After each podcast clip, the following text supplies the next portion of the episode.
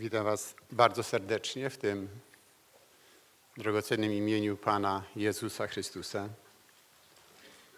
Chcę przekazać też pozdrowienia od mojego zboru, też teraz odbywa się nabożeństwo. Serdeczne pozdrowienia. Słowo Boże, które chcę przeczytać,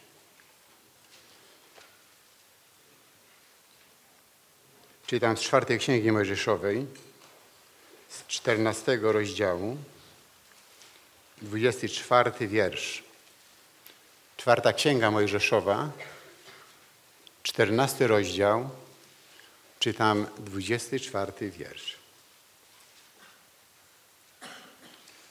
Jednakże sługę mojego Kaleba za to, że inny duch jest w nim, i on był mi wierny całkowicie. Wprowadzę do ziemi, do której poszedł, i jego potomstwo ją posiądzie. Boże, Ojcze Wszechmogący, to jest Twoje słowo, które wyszło z Twoich ust, a my mamy ten niezwykły przywilej czytać je i rozważać, zastanawiać się nad nim. Pobłogosław ten czas rozważania Twojego słowa. Prosimy Cię o Twoje posilenie, napomnienie, zachętę, aby imię Twoje było błogosławione i wywyższone. Przez Jezusa Chrystusa, Pana naszego. Amen.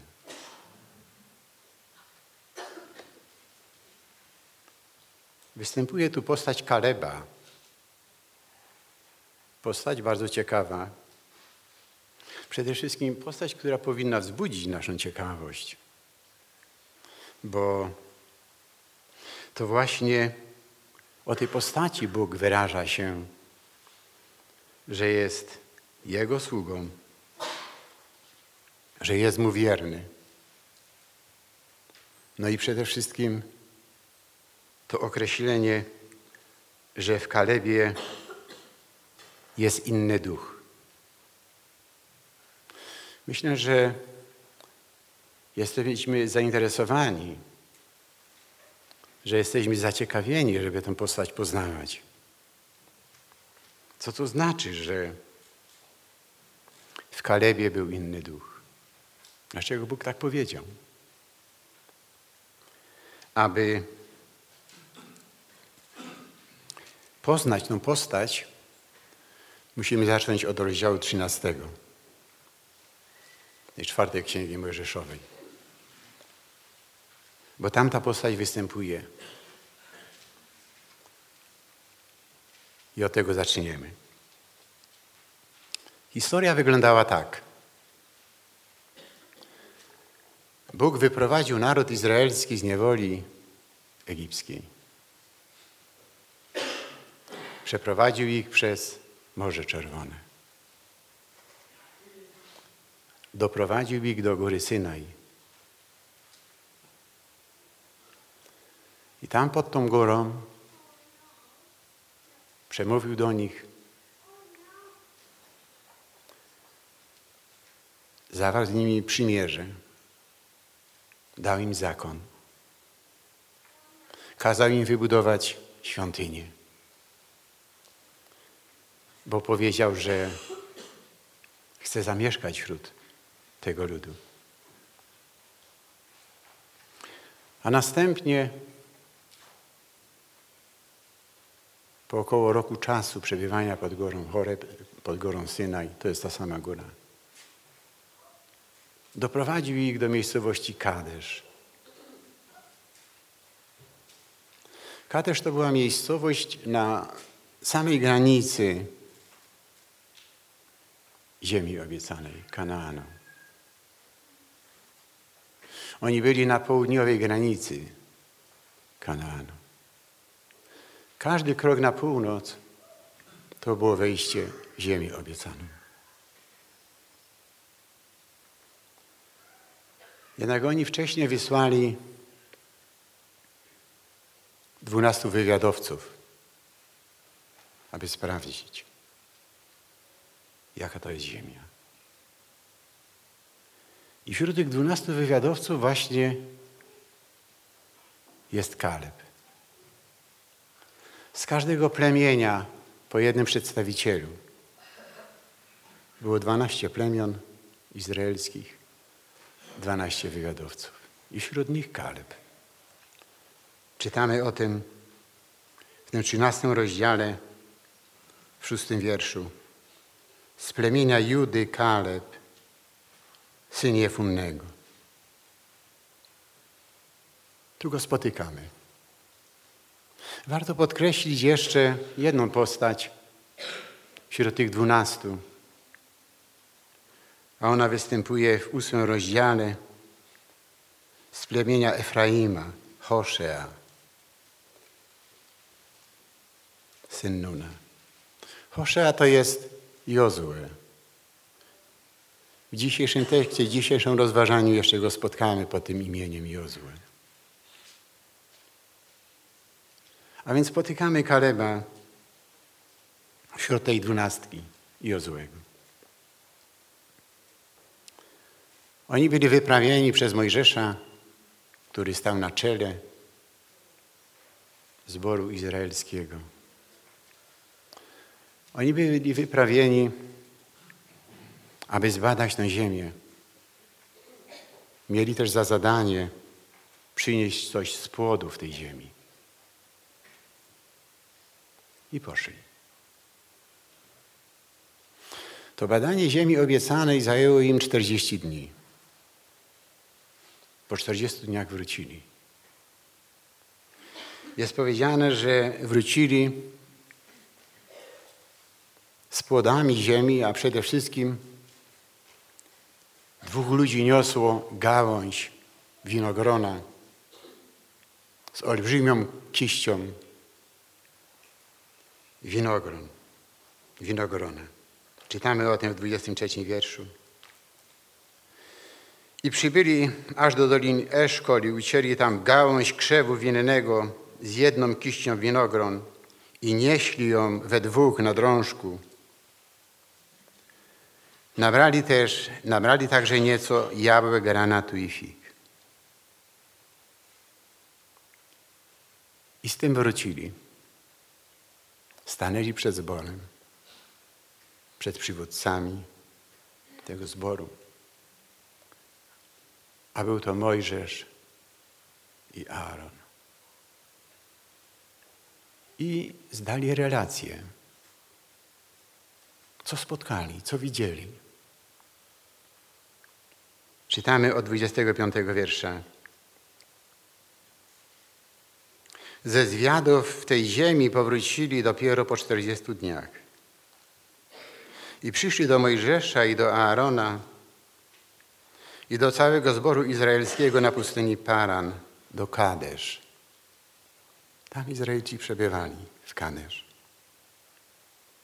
Zdali sprawę im i całemu zborowi oraz pokazali im płody tej ziemi. I opowiedzieli mu, mówiąc, przyszliśmy do ziemi, do której nas wyprawiłeś. Ona rzeczywiście opływa w mleko i miód, a to są jej płody. Bóg obiecał tą ziemię narodowi izraelskiemu. I to Bóg właśnie im powiedział, że da im ziemię, która będzie, która będzie opływała w mleko i miód. Wiecie, to określenie, że ta ziemia będzie opływała w mleko i miód, miało oznaczać, że to będzie ziemia niezwykle obfita, że tam nie będzie niczego brakowało, że będzie wszystkiego pod dostatkiem. Bogin to powiedział. A teraz poszli do tej ziemi i mówią rzeczywiście, tak jak Bóg powiedział. Jest dokładnie tak, jak powiedział. Ta ziemia opływa w mleko i miód. A na dowód tego te płody, które przynieśli.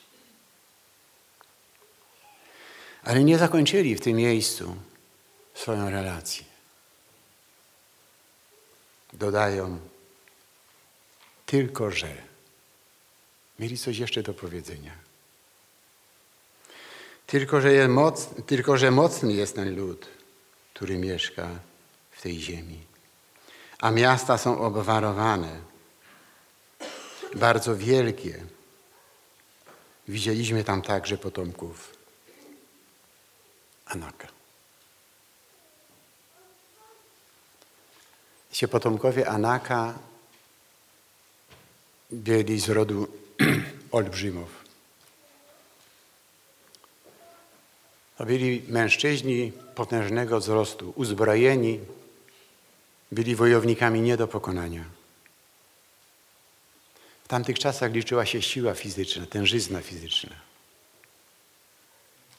I taki olbrzym, uzbrojony, budził powszechny postrach. I oni to podkreślają. Nie dość tego, że tam miasta są obwarowane, to jeszcze tam są potomkowie Anaka.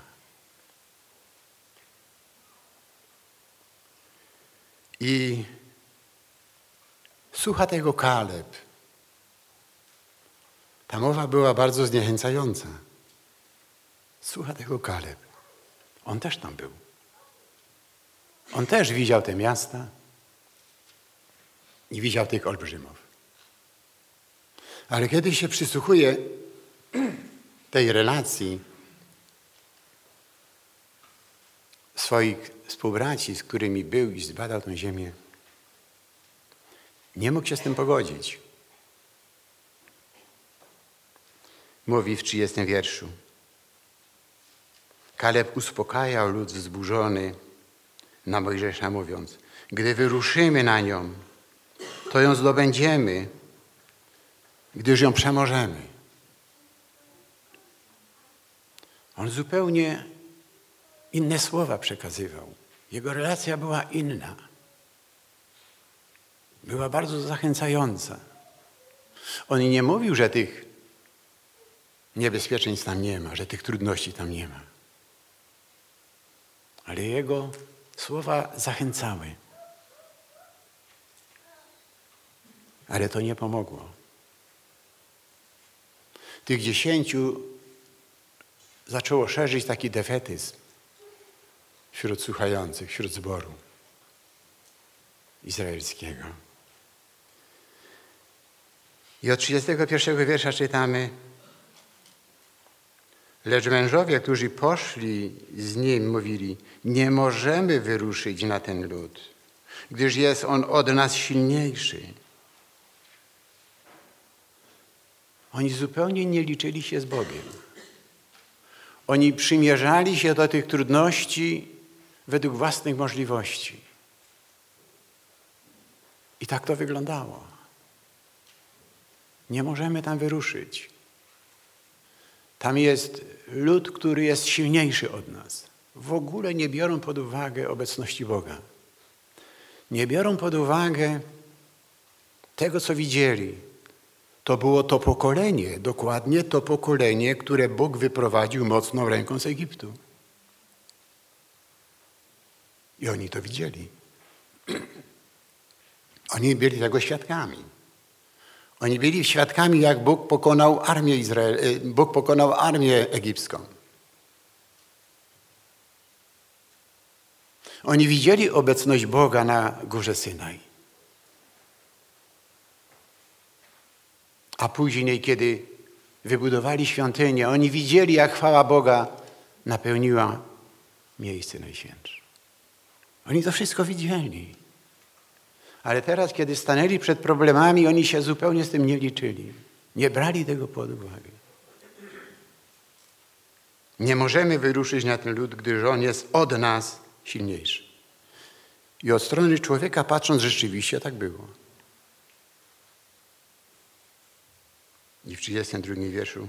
I rozpuszczali między synami izraelskimi złą wieść o ziemi, którą zbadali.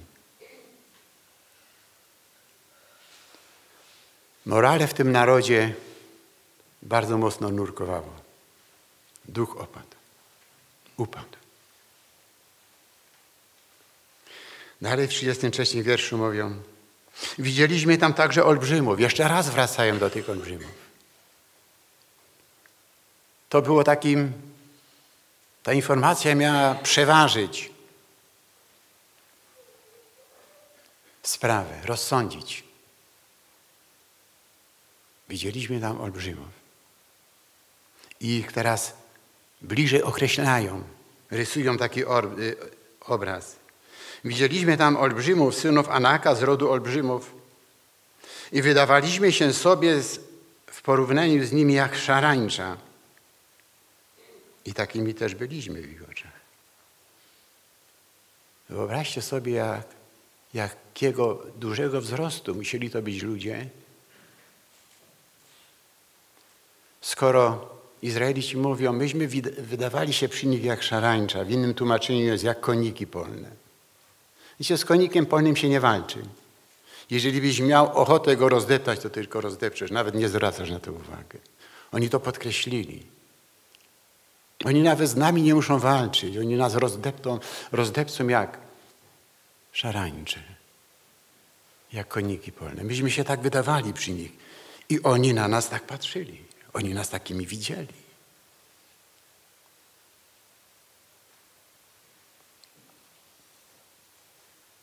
Tak jak już mówiłem, duch w narodzie upadł. Pojawił się strach, zniechęcenie. Zaczęli lamentować. W 14, w 14 rozdziale, w pierwszym wierszu czytamy Wtedy wzburzył się cały zbór i podniósł swój głos i płakał lud tej nocy. Oto do czego doprowadziła ta relacja tych dziesięciu.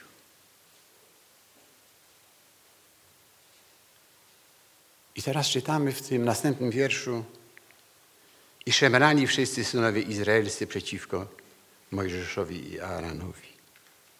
Musimy tu zwrócić uwagę na to szemranie. Dziękuję Ci bardzo. Szemranie w Piśmie Świętym jest bardzo mocno podkreślone jako bardzo negatywna postawa Bożego Ludu.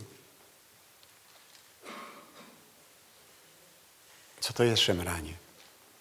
Tu jest powiedziane i szemrani, wszyscy synowie izraelscy. Szemranie to jest takie skryte, niejawne wyrażanie swojego niezadowolenia. Początkowo skryte, niejawne. To jest takie rozpuszczanie, tajne rozpuszczanie, ukryte rozpuszczanie złych wiadomości. żeby w ludziach wywołać niechęć do sprawy i do przywódców. To jest szemranie. A nie tylko do przywódców, ale często i do Pana Boga. Tu też to zobaczymy.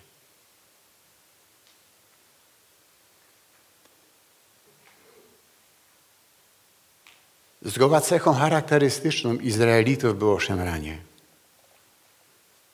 Kiedy się pojawiały kłopoty, szemrali. Kiedy brakowało wody albo jedzenia, zaczęli szemrać. Kiedy stawiano przed nimi nowe wyzwania, nowe zadanie, szemrali. Musimy zwrócić uwagę na szemranie bo o szemraniu również mówi Nowy Testament. Pan Jezus się z tym spotkał. Gdy Pan Jezus rozpoczął publiczną działalność, spotkał się z opozycją ze strony przywódców izraelskich, ze strony kapłanów i tych, którzy stali, stali na czele ze strony faryzeuszy. I początkowo ta opozycja, ona właśnie wyrażała się przez szemranie. Gdy Pan Jezus mówił, oni szemrali. W wielu miejscach w Nowym Testamencie to jest powiedziane. Ostatecznie musiał im Pan powiedzieć, nie szemrajcie. To jest w Ewangelii Jana w, szóstym rozdziale. Nie szemrajcie między sobą.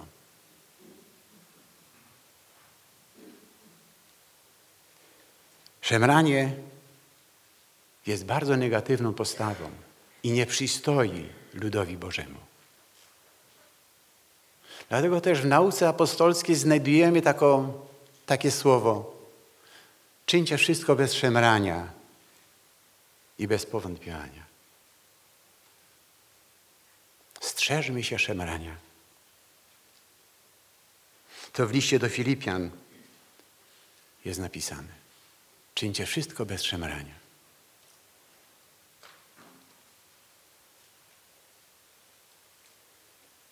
A więc widzimy, że ta zła wieść, ta zła relacja tych dziesięciu wywiadowców doprowadziła naród izraelski do takiego stanu, że zaczęli szemrać. Początkowo przeciwko przywódcom, przeciwko Mojżeszowi i Aaronowi. I mówił, mówił cały zbór do nich.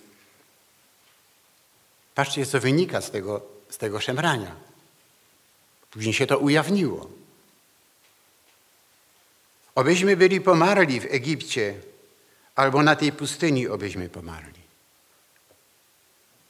Życzyli sobie śmierci. Widzieli Bożą, Boże działanie. Widzieli Bożą obecność. A teraz wątpili, zaczęli szemrać i życzyli sobie śmierci. Już tam w Egipcie lepiej by było, żebyśmy pomarli. Ale zwróćcie uwagę, co mówią dalej.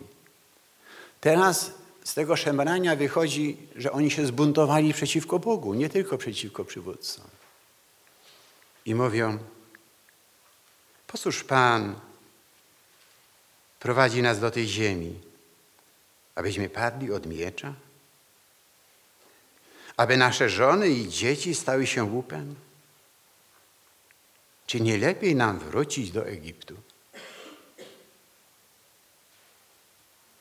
Oto skutek rozpuszczania złej wieści wśród ludu Bożego. Teraz wracają się, stawiają zarzut Panu Bogu. Po co On nas wyprowadził? Po co nas doprowadził w to miejsce? Żeby nasze dzieci, nasze żony poginęły na tej pustyni? I przyszła im myśl wrócić do Egiptu, tam skąd zostali wyprowadzeni. Wiedzieli, że Bóg ich tam z powrotem prowadzić nie będzie. Dlatego zaczęli to myśl ubierać pewien kształt działania. I w czwartym wierszu jest to napisane tak. I mówili jeden do drugiego, obierzmy sobie woza i wróćmy do Egiptu. Dramatyczna sytuacja. Niezwykła sytuacja. Oto do, do czego można doprowadzić zbór, kiedy się go zniechęca. Oni się znaleźli w takim miejscu, że mówili, zmienimy przywództwo. Obierzemy sobie takich przywódców, którzy będą robić to, co my chcemy, a chcemy wrócić do Egiptu. W takim stanie byli. Mojżesz i Aaron czuli ten stan zagrożenia. Sami popadli w strach. W piątym wierszu jest napisane, a Mojżesz i Aaron padli na twarz przed całym zgromadzeniem zboru synów izraelskich. Zwróćcie uwagę, nie przed Bogiem, przed zgromadzeniem synów izraelskich. Bali się, zwyczajnie się bali. Bali się o swoje życie. Przed tymi ludźmi padli na twarz.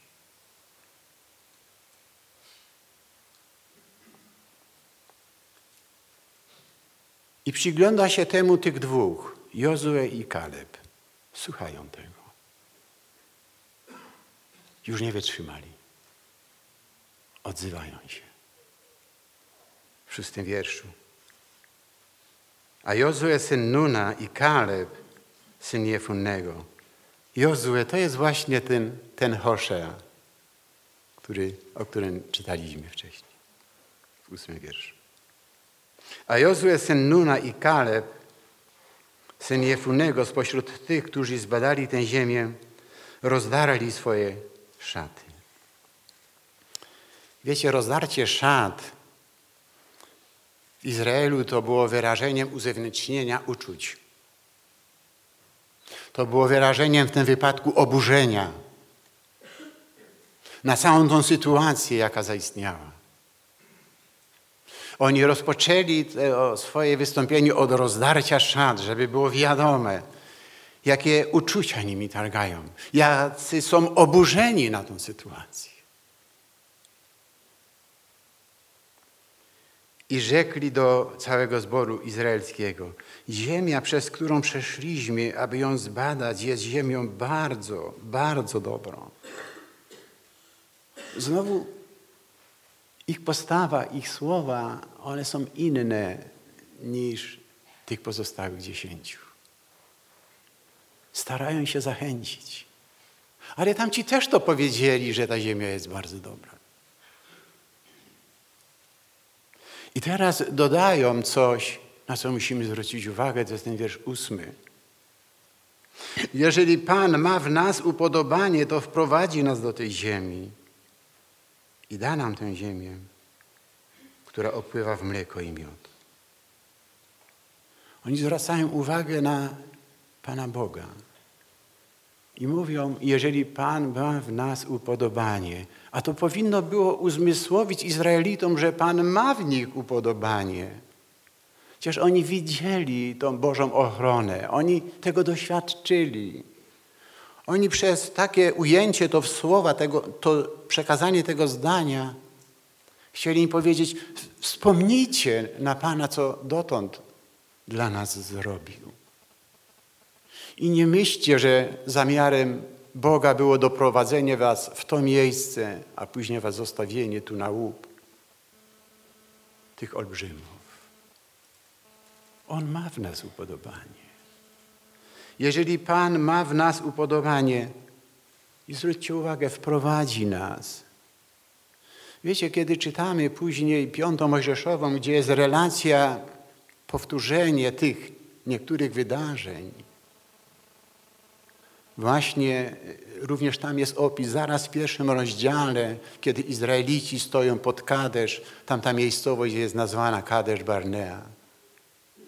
I kiedy Mojżesz zaczyna im powtarzać prawo Boże, to Mojżesz przede wszystkim im mówi, Bóg, Bóg będzie walczył za nas.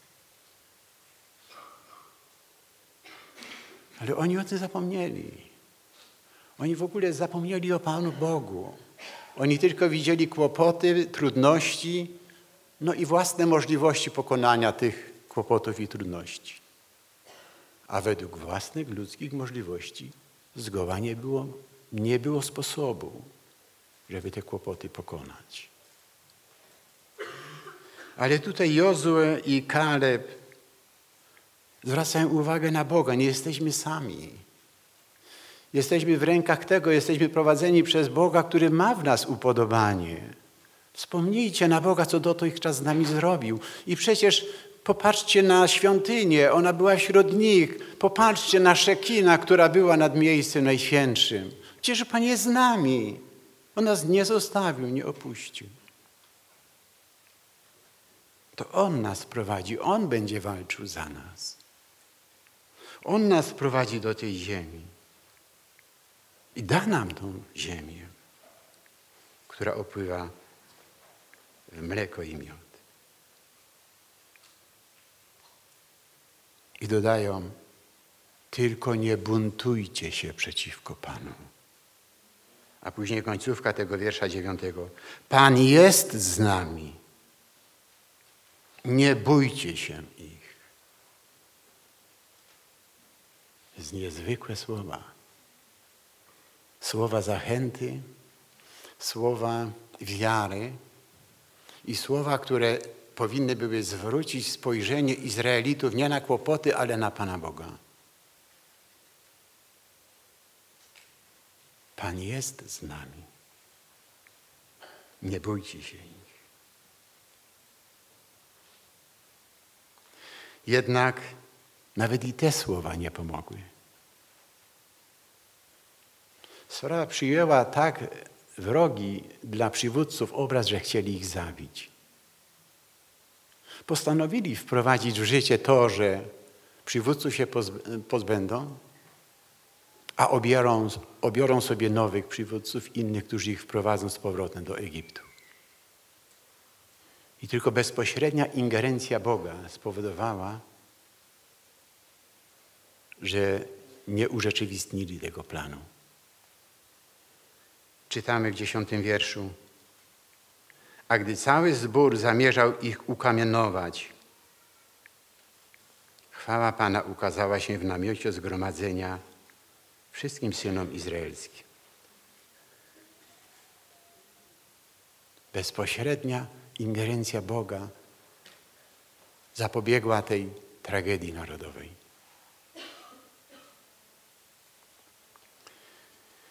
Jednak dalej czytamy, że Bóg bardzo się rozgniewał na ten naród i chciał ten naród wygubić.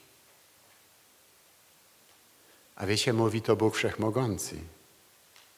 To nie mówi człowiek, że niekiedy komuś pogrozi palcem, ale później nie ma siły tej groźby wykonać. To mówi Bóg, który jest Bogiem Wszechmogącym. Mówi, że wygubi ten naród, a od Mojżesza utworzy nowy naród. To później czytamy od 11 wiersza. Wtedy rzekł Pan do Mojżesza, jak długo znieważać mnie będzie ten lud, jak długo nie będą mi wierzyć, mimo, że, mimo wszystkich znaków, które wśród nich uczyniłem. Wytracę ich zarazą i wygubię ich, a Ciebie uczynię ludem większym i silniejszym od nich. I to by się stało. Bóg nie rzuca słów na wiatr. I dalej widzimy modlitwę wstawienniczą Mojżesza. Stawia się za ten lud, modli się do Boga. Rozpoczyna trzynasty wiersz. Lecz Mojżesz rzekł do Pana, Egipcjanie usłyszą o tym, że spośród nich wywiodłeś mocą swoją ten lud. Wstawia się za ten naród.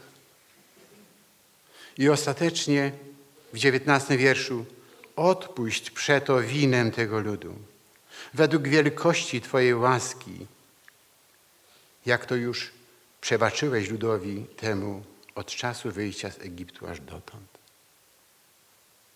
Bóg zarzuca i przypomina temu narodowi, że to już dziesięciokrotnie go znieważali. Ale Bóg im przebaczał. Mojżesz o tym pamiętał. I teraz Mojżesz modli się do Boga, prosi odpuść. I Bóg wysłuchał tej modlitwy. Wiecie, pokazana tu jest moc modlitwy wstawienniczej. Nigdy nie wątmy w modlitwę wstawienniczą.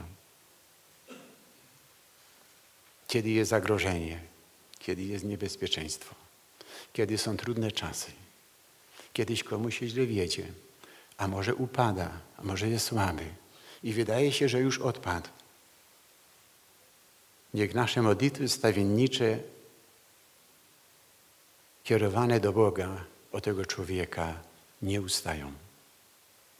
Bóg wysłuchuje modlitw stawienniczych. Pismo Święte nas uczy, że my mamy pośrednika między Bogiem a ludźmi, Jezusa Chrystusa. O ileż bardziej jesteśmy uprzywilejowani przez Jezusa Chrystusa, ze względu na Pana Jezusa Chrystusa. Nigdy nie zapomnijmy o modlitwie stawienniczej. I na tą modlitwę Bóg odpowiada, odpuściłem. To jest, 10, to jest 20 wiersz. I rzekł Pan, odpuściłem na Twoje słowo. Na Twoje słowo. Niech nas to zachęci. Niech nas to utwierdzi w przekonaniu, że modlitwa wstawiennicza ma sens. Bóg mówi, odpuściłem na Twoje słowo. Jednak konsekwencje nieposłuszeństwa musiały być poniesione. Bóg nie wygubił całego tego narodu, ale ci wszyscy, którzy Go znieważyli przez niewiarę, mimo że byli świadkami wielkości Boga, mimo że widzieli te znaki i cuda, jakie Bóg dokonywał, oni tego doświadczyli, bo to było to pokolenie, to było właśnie to pokolenie. Konsekwencje musiały być poniesione i ci ludzie, którzy go znieważyli przez niewiarę, Bóg powiedział, nie wejdą do ziemi obiecanej.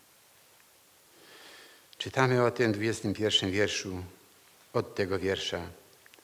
Ale jak żyję, jak pełna jest cała ziemia chwały Pana. Wiecie, chcę podkreślić, Bóg mówi, że cała ziemia jest pełna Jego chwały. Dostrzegamy to? To taką dygresję chcę tutaj uczynić.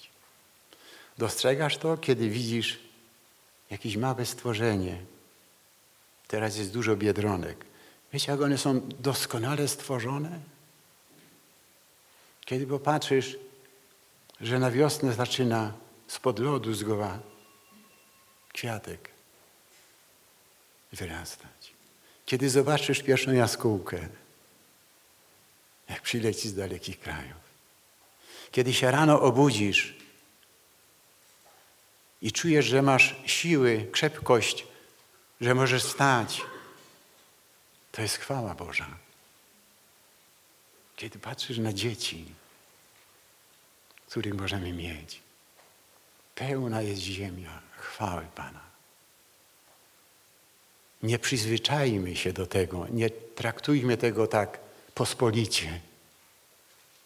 Ale kiedy będziemy patrzeć w ten sposób na stworzenie, od siebie samego zaczynając, to zrozumiemy, jak Pan to podkreślił, że pełna jest ziemia chwały Pana. I teraz, kiedy Bóg mówi te słowa, dodaje, żaden z tych mężów, którzy, którzy widzieli moją chwałę, i moje znaki, jakich dokonywałem w Egipcie i na pustyni. A oto już dziesięciokrotnie wystawiali mnie na próbę i nie słuchali mojego głosu. Nie zobaczy ziemi, którą przysiągłem ich ojcom. Żaden z tych, którzy mnie znieważyli, jej nie zobaczy. Później w liście do Hebrajczyków czytamy, że stało się to z powodu niewiary. Oni nie uwierzyli, mimo że tego doświadczali. Dzisiaj, dzisiaj jest wielu ludzi, którzy doświadczają mocy Bożej, w ogóle, że żyją, że istnieją. A znieważają Boga, nie oddając Mu chwały przez Jezusa Chrystusa, Pana naszego. I teraz dopiero dochodzimy do tego wiersza, od którego zaczęliśmy i rozumiemy, dlaczego Bóg wypowiedział te słowa o Kalebie. Tu w tym miejscu wyróżnia Kaleba, w innym miejscu, jak będziemy czytali, wyróżnia Jozłego. Ale tu podkreśla Kaleba. Jednakże sługę mojego Kaleba za to, że inny duch jest z nim i on był mi wierny całkowicie. Widzicie, ta postawa Kaleba, jego wiara, to wstawienie się za Bogiem, zwrócenie uwagi na Pana Boga. Bóg mówi, to jest mój sługa, On mi służy.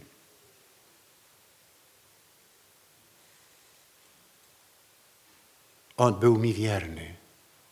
On się mnie nie zaparł. I teraz rozumiemy to słowo, że w nim był inny duch.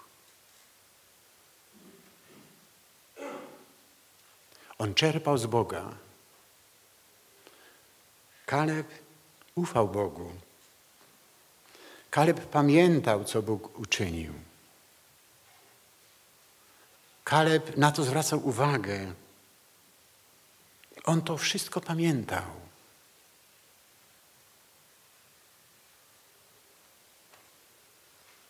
i został wynagrodzony, wyróżniony.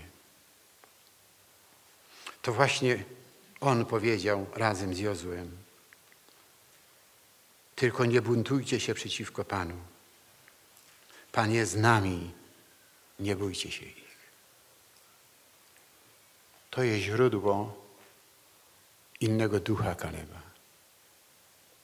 Zaufanie Panu Bogu. Wiecie, Biblia nas uczy, że wierzący w Jezusa Chrystusa, biblijnie wierzący chrześcijanie, nabyci krwią Jezusa Chrystusa należą do Niego i są Jego własnością. Ale Biblia nas też uczy, sam Pan Jezus to pod, powiedział, że ci ludzie, którzy Go odrzucili, są częścią tego świata. I że ten świat będzie prześladował wierzących. Dlaczego? Bo ten świat jest innego ducha. Kiedy otworzymy pierwszy list do Koryntian,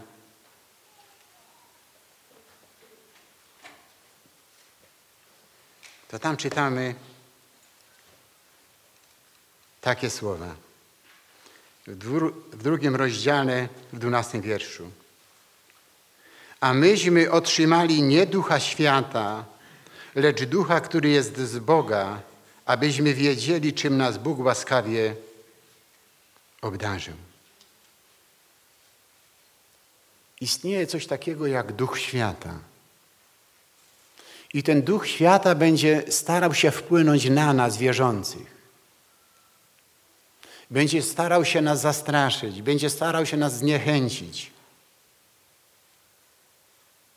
Będzie starał się nas doprowadzić do upadku.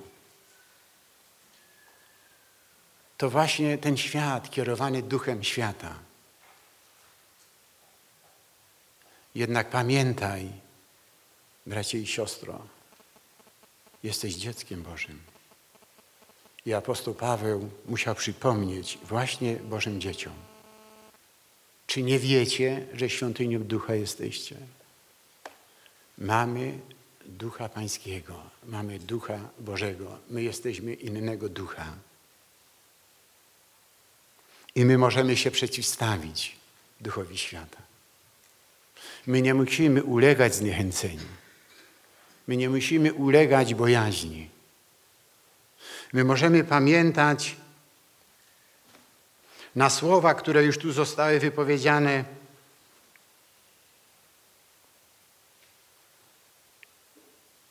Tym czternastym rozdziale. Tylko nie buntujcie się przeciwko Panu. Pan jest z nami, nie bójcie się ich. Pan jest z nami. Jezus Chrystus jest z nami. Bóg w ciele, który przyszedł, żeby nas wykupić. On nas pozyskał. On nas pozyskał, On nas zgromadził jako dobry pasterz swojej owczarni. My jesteśmy jeszcze tu na świecie, chociaż nie jesteśmy już ze świata. I modlitwa Jezusa Chrystusa idzie za nami. Modlitwa stawiennicza do, Bo do Boga Ojca, kiedy mówi: Ojcze, oni są moimi, oni są na świecie, ale nie są ze świata. Zachowaj ich od tego świata.